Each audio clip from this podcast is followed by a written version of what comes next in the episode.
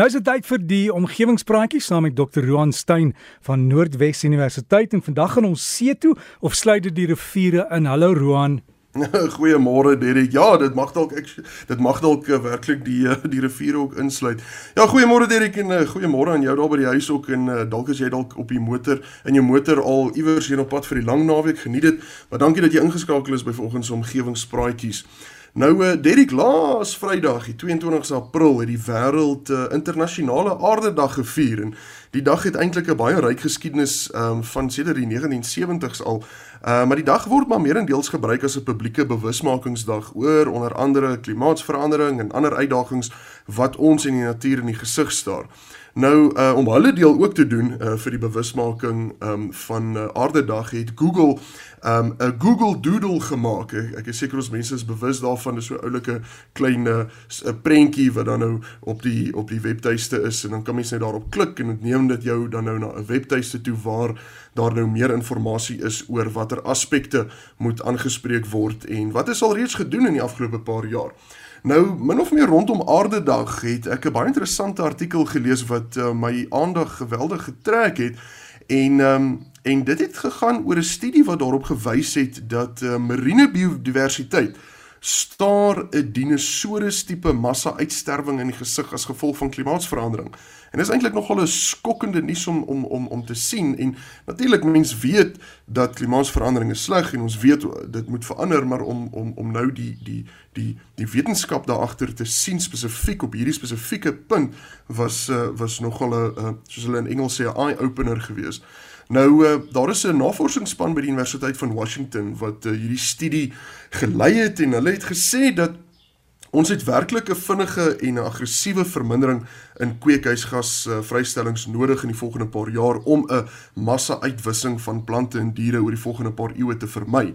En um, en ek gaan nou verduidelik waarom, want ons bietjie na die wetenskap gaan kyk daar uh, uh, hoe dit dan nou werk en spesifiek op watse punt dit nou werk. Maar ek wil ook graag net bysê vir oggend um, en vir jou wat nou vir oggend saam luister is dat mense moet altyd in gedagte hou dat die toekoms is nie in steen geskryf nie. So so so ek gaan nou 'n klomp goeters noem Maar ek wil glad nie hê dit moet 'n uh, uh, so, so groot negatiewe impak op jou gemoedstoestand so vroeg in die oggend hê nie want ons as wetenskaplikes doen juis hierdie voorspellings met rekenaarmodelle dat ons juis kan sien wat ons moet doen om die resultate te vermy. Nou maar nietemin die die studie het gevind dat uh die tropiese waters en die grootste verlies aan biodiversiteit um uh sal meebring terwyl spesies wat naby die pole um, um is sal die grootste risiko loop om uit te sterf. En hulle gaan verder en sê dat uh, as ons stygende kweekhuisgasemissies ongehinderd bly, kan die verlies van see spesies as gevolg van die verwarming van see temperature en uh, watersuurstofuitputting alleen uh, verantwoordelik wees vir die vermindering in biodiversiteit um teen uh, die jaar 2100 en en dit kan dit om heeltemal verwoes. Nou die modelle wat hierdie span geloop het het op die reken het wat hulle natuurlik op rekenaars geloop het het gewys dat ons sal ons kweekhuisgasvrystellings met meer as 70% moet verminder om hierdie massa uitwissing um te probeer keer. Nou hierdie span wetenskaplikes het na ooreenstemmende patrone gaan soek tussen nou en um, wat in plek was voor net voor die dodelikste massa uitsterwings in die aarde se geskiedenis. En ongelukkig is daar 'n paar wat nou ook in plek is. En ek dink tussen die paar wat geïdentifiseer is het daar een spesifiek my aandag getrek en wat ons nou bietjie kan oor gesels is die is die watertemperatuur en suurstof beskikbaarheid Ehm um, dit is die twee twee belangrikste dinge wat ek dink uitgestaan het um, uit daai verslag uit. So sien wanneer wanneer water warm is, ehm um, is dit baie gevaarlik vir spesies wat uh, nie daarbey kan aanpas nie. Ehm um, die warmer water hou minder suurstof in as koue water, ehm um, wat dan 'n stadiger watersirkulasie veroorsaak in die see wat dan nou uh, suurstof toevoer in diep waters heelwat verminder.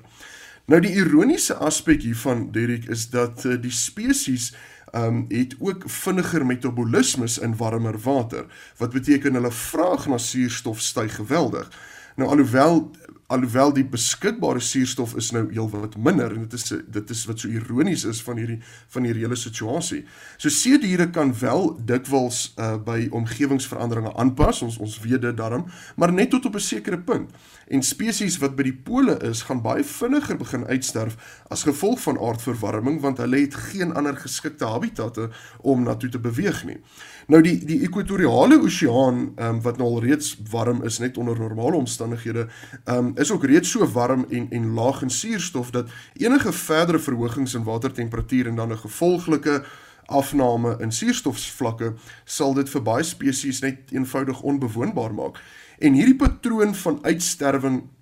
wat wys dat meer spesies by die pole uitsterf as by die trope um en en en en, en meer en meer dele van die oseaan wat onbewoonbaar raak is die einste patroon wat vorige massa uitsterwings uh, wat plaasgevind het net voor uh, vorige um massa uitsterwings. Nou byvoorbeeld 'n uh, navorsing het getoon dat dit die die temperatuur afhanklike toenamings toenames in in suurstof uh, aanvraag uh, wat nou natuurlik gepaard gaan met die afname in suurstofbeskikbaarheid as gevolg van vulkaniese uitbarstings miljoene jare terug was uh, was verantwoordelik vir die spesie verlies uh, tydens die eindperm uitwissing wat um, ongeveer as ek reg onthou die artikel het genoem 250 miljoen jaar terug plaasgevind het. Nou die model wat gebruik is vir hierdie nuwe studie het uh, het ook aangetoon dat uh, uitsterwings as gevolg van aardverwarring op 'n soortgelyke skaal kan veroorsaak word as uh, as verwarming wêreldwyd in die 21ste eeu dan nou so voortduur teen die huidige tempo.